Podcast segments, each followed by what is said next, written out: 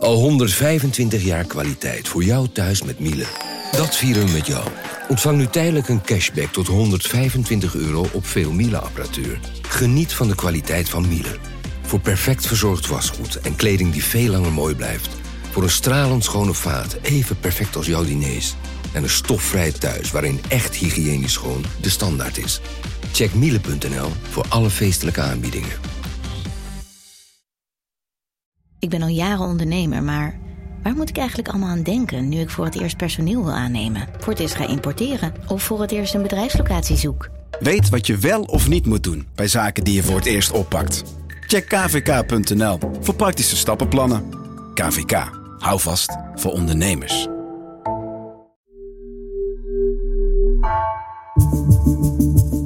Vanaf de redactie van NRC het verhaal van vandaag. Mijn naam is Egbert Kalsen.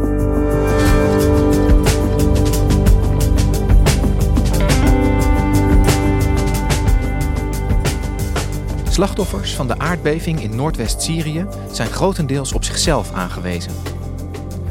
Correspondent Melvin Ingleby reisde naar het aardbevingsgebied waar de internationale noodhulp nog steeds niet goed op gang is gekomen. Toch probeert de lokale organisatie De Witte Helmen uit alle macht het puin te ruimen en essentiële hulp van de grond te krijgen. Waarom staan zij er zo alleen voor?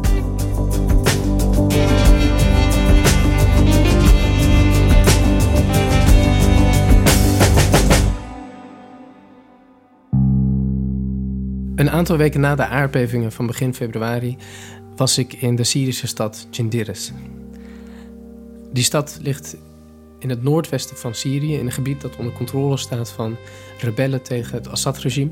Ik kwam in dat stadje aan en zag eigenlijk nog steeds de totale verwoesting van die aardbeving. Er waren heel veel huizen ingestort, mensen die sliepen in tenten, op straat. En ik had een afspraak daar met Ismail Al-Abdallah. Ismail? Sorry to make you wait. Een 36-jarige man die voor de Witte Helmen werkt. Dat is een Syrische reddingsorganisatie. That's okay. Um, last time when we called you were here or not? Yeah, I, I've been here, yes. En die Witte Helmen die speelden een cruciale rol. Ze waren eigenlijk de enigen die hier de mensen onder het puin vandaan haalden. En ik vroeg aan Ismail, kan ik wat van je collega's ontmoeten? En hij zei, kom mee, dan gaan we naar de reddingspost. Dus ik stap de auto in met Ismail en we rijden door dat verwoeste stadje. Komen er aan, trap op. En op de eerste verdieping zit daar een groep mannen, uh, uitgeput rondom een kachel, koffie te drinken, sigaretten te roken. En hier in deze kamer komen ze bij na dat zware werk wat ze de afgelopen weken hebben gedaan.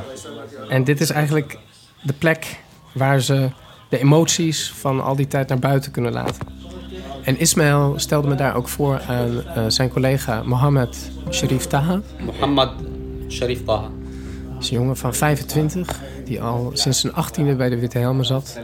En ook die nacht na de aardbeving het reddingswerk in Jindiris deed. En hij vertelde me hoe zwaar het die eerste nacht na de aardbevingen was. انه نحن كنا مناوبين هون بالمركز وصارت صارت بلشت الهزه الارضيه Ze lagen hier in deze reddingspost te slapen, stormden naar buiten en meteen kwamen alle mensen in dat stadje op hen afgerend. En ze smeekten allemaal om hulp. De een die was zwaar gewond, de ander had een kind onder het puin liggen.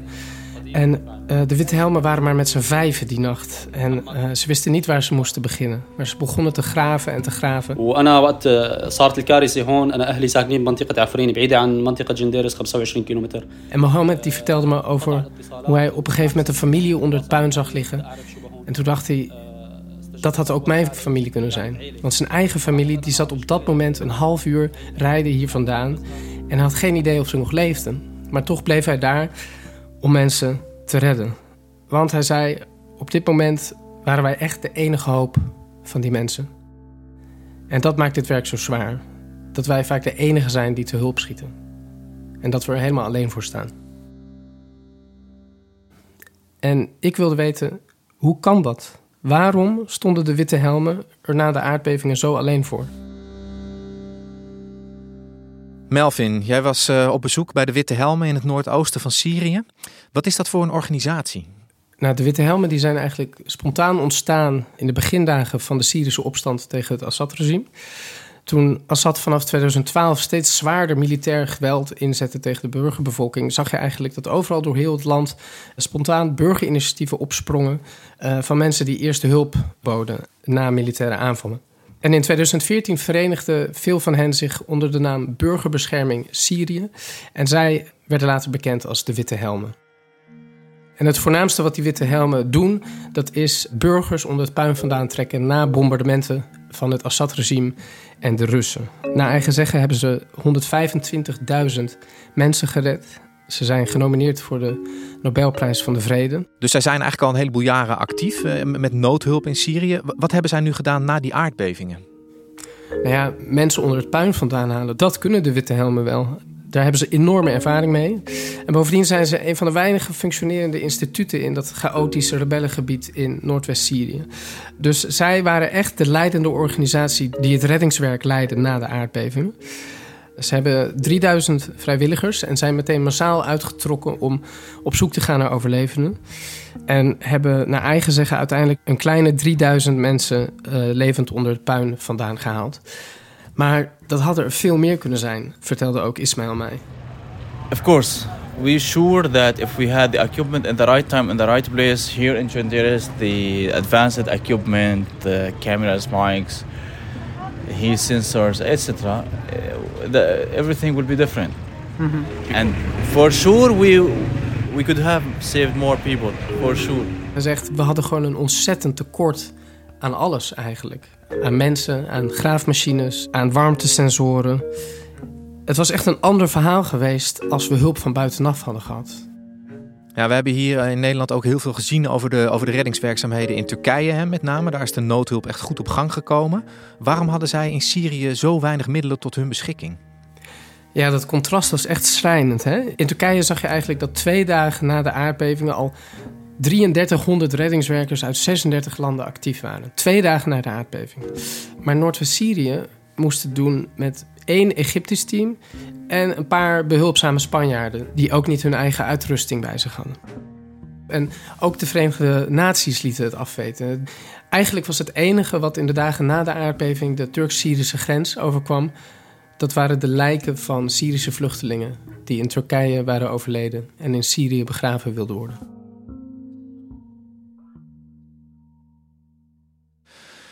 Ja, dat klinkt als een, eh, als een schrijnende situatie. Dat die hulp zo traag op gang kwam, Melvin, heeft dat te maken met de oorlog die al jaren in Syrië woedt? Absoluut. Het gebied dat in Syrië getroffen is door de aardbeving is uh, verscheurd door die oorlog. Dus je hebt enerzijds het rebellengebied, waar ik was, en anderzijds het regimegebied. Het rebellengebied is het hardst geraakt. En dat is ook een gebied waar de bevolking van uh, ruim 4 miljoen mensen eigenlijk al jarenlang afhankelijk is van humanitaire hulp. Voornamelijk van de VN. En sinds 2014 bepaalt de VN-veiligheidsraad welke grensovergangen de VN mag gebruiken om dat rebellengebied in het noordwesten te bereiken. Eerst waren er nog vier grensovergangen, maar door herhaaldelijke veto's van Rusland en uh, China is uiteindelijk nog maar één daarvan overgebleven. En uitgerekend die grensovergang die functioneerde niet na de aardbevingen. De wegen waren verwoest, douanepersoneel was gevlucht. Dus het duurde drie dagen voordat daar de eerste hulppakketten de grens uh, overrolden. En dat waren ook nog standaard hulppakketten die al vooraf gepland waren. En eh, geen hulp die op de behoeften van de aardbeving was afgestemd. Maar je zou denken, doe in zo'n noodsituatie extra grensovergangen open. Alleen de VN die koos ervoor om eerst toestemming te vragen van het Assad-regime. Hetzelfde Assad-regime dat dat gebied al jaren op de knieën probeert te krijgen. Nou, dat regime liet op zich wachten en gaf de VN pas na een week toestemming om twee extra grensovergangen te gebruiken. En voordat die ook operationeel waren, duurde dat weer een week. Dus alles kwam ontzettend traag op gang. En dat heeft levens gekost. Dat heeft de VN ook erkend. Het hoofd van de humanitaire hulp heeft een ontmoeting gehad met het hoofd van de Witte Helmen. En daarin heeft de VN zijn excuses aangeboden. Alleen, ja, die levens die, die krijg je niet meer terug. De Verenigde Naties die hebben dus ja, redelijk traag gehandeld, zou je kunnen zeggen. En ook fouten gemaakt. Kunnen landen nou los van de VN ook zelf iets doen in dat gebied?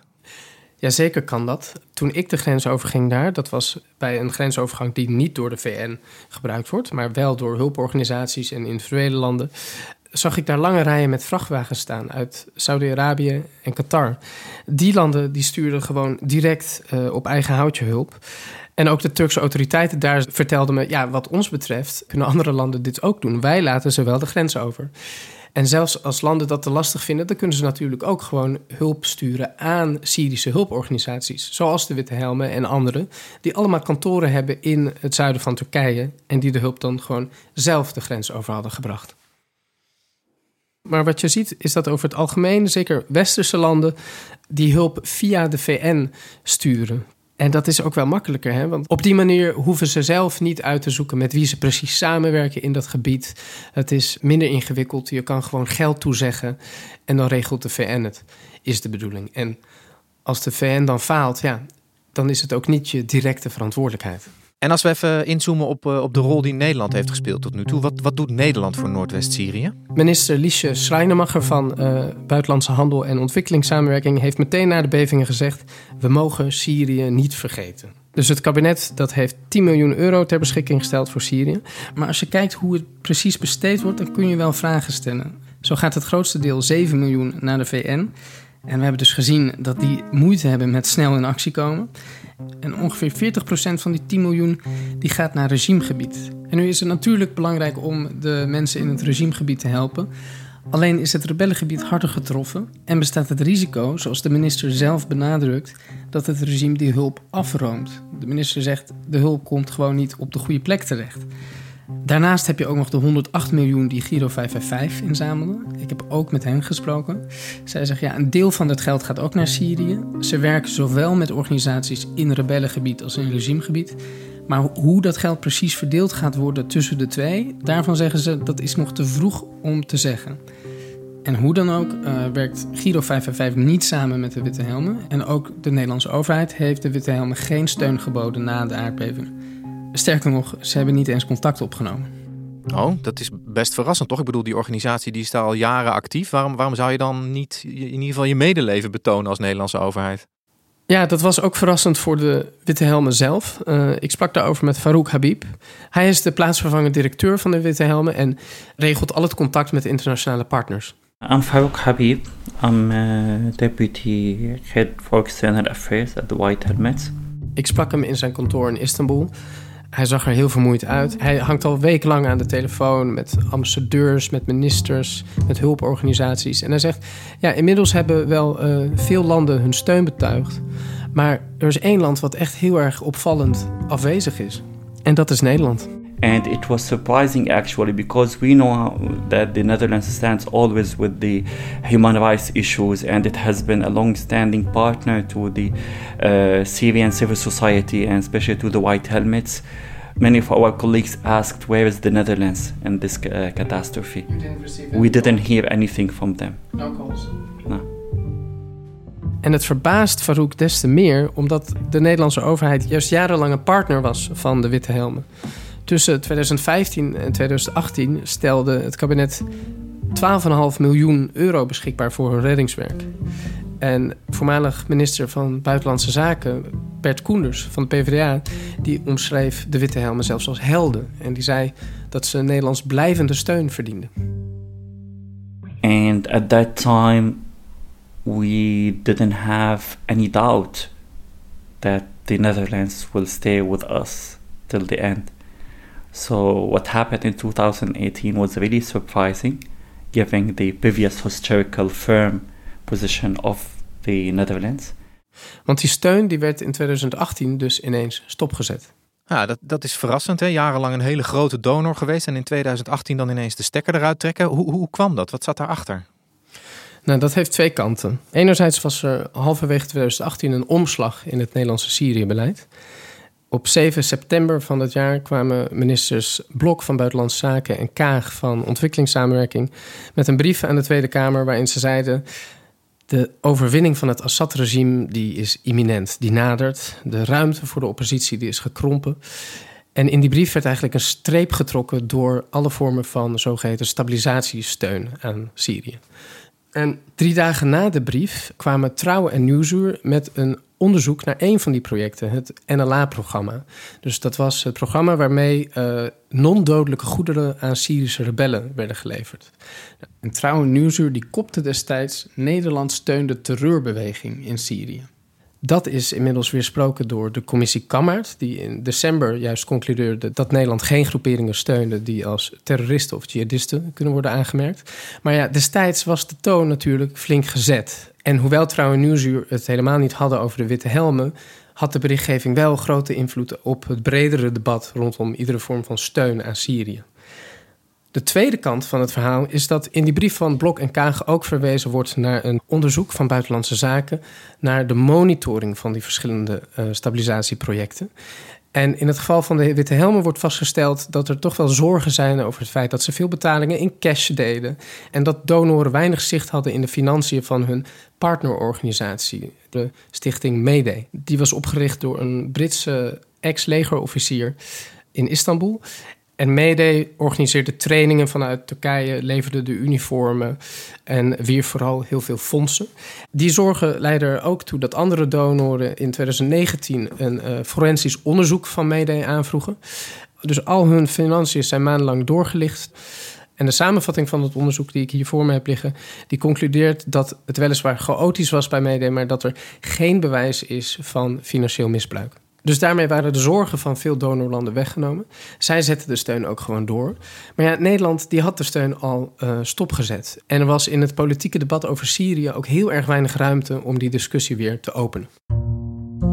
En heb jij het met die, met die mensen van de Witte Helmen ook gehad over het stopzetten van die steun uh, van Nederland? Hoe kijken zij daarnaar?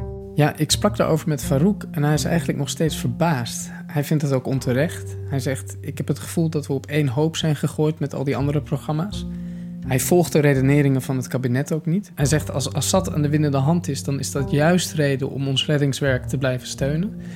Die cashbetalingen in oorlogsgebied is dat onvermijdelijk, zegt hij. En hij zegt dat alle andere donorlanden wel de witte helmen bleven steunen, ook na die zorgen bij Mayday. Nederland was het enige land dat de steun gewoon stopzette. But it was surprising for us that as time passes and uh, the Netherlands see that all other governments continue their support without a problem, and Netherlands stood alone out of this uh, group. Dus Nederland heeft de steun aan de witte helmen stopgezet. Andere landen betalen nog wel, hè? zo vertelt Farouk aan jou. Hoe, hoe zit dat dan precies? Ja, nou, andere landen gingen inderdaad wel door. Dus de witte helmen die krijgen nog steun uit, uh, uit Duitsland, uit de VS, uit Groot-Brittannië, uit Qatar, uit Canada.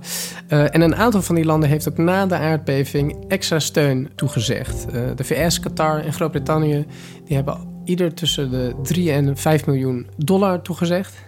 Dus je zou denken, oh, nou, dat komt dus wel goed. Alleen zegt Farouk, ja, de behoeften zijn nog veel groter. Want er is ontzettend veel verwoest natuurlijk in dat gebied. En de Witte Helmen die doen niet alleen reddingswerk. Die zijn nu ook bezig met puinruimen, met de reparatie van infrastructuur... met de reparatie van ziekenhuizen. Ze runnen medische centra, ze runnen ambulance diensten. En Farouk zegt, misschien wordt het ook wel eens tijd... dat wij een keer psychologische hulp gaan bieden aan onze eigen mensen... Want ik hang dagelijks met ze aan de telefoon en ze barsten voortdurend in tranen uit. Ze zijn gebroken naar alles wat ze gezien hebben. En dat zegt ook Ismail, de reddingswerker van de Witte Helmen, die mij in Jindiris ontving. After those days, after those days, to be honest, we're still exhausted. Exhausted by the painful pictures. De, de beelden en geluiden die alsmaar door hun hoofd spoken. Van mensen die onder het puin liggen en die om hulp roepen. Het moeten kiezen wie je kan redden en wie niet meer te redden is.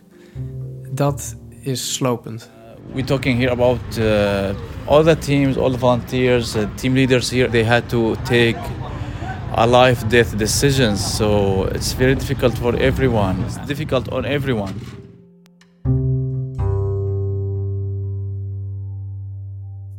Melvin, dankjewel. Graag gedaan.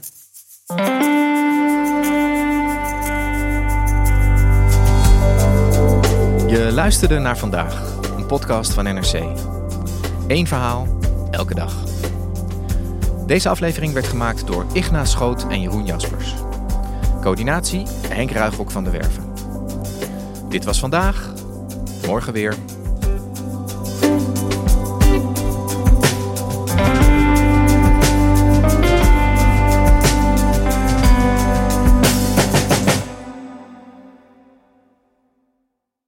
Technologie lijkt tegenwoordig het antwoord op iedere uitdaging. Bij PwC zien we dit anders. Als we de potentie van technologie willen benutten, kunnen we niet zonder een menselijk perspectief. Human-led, tech-powered noemen we dat. Ga naar pwc.nl.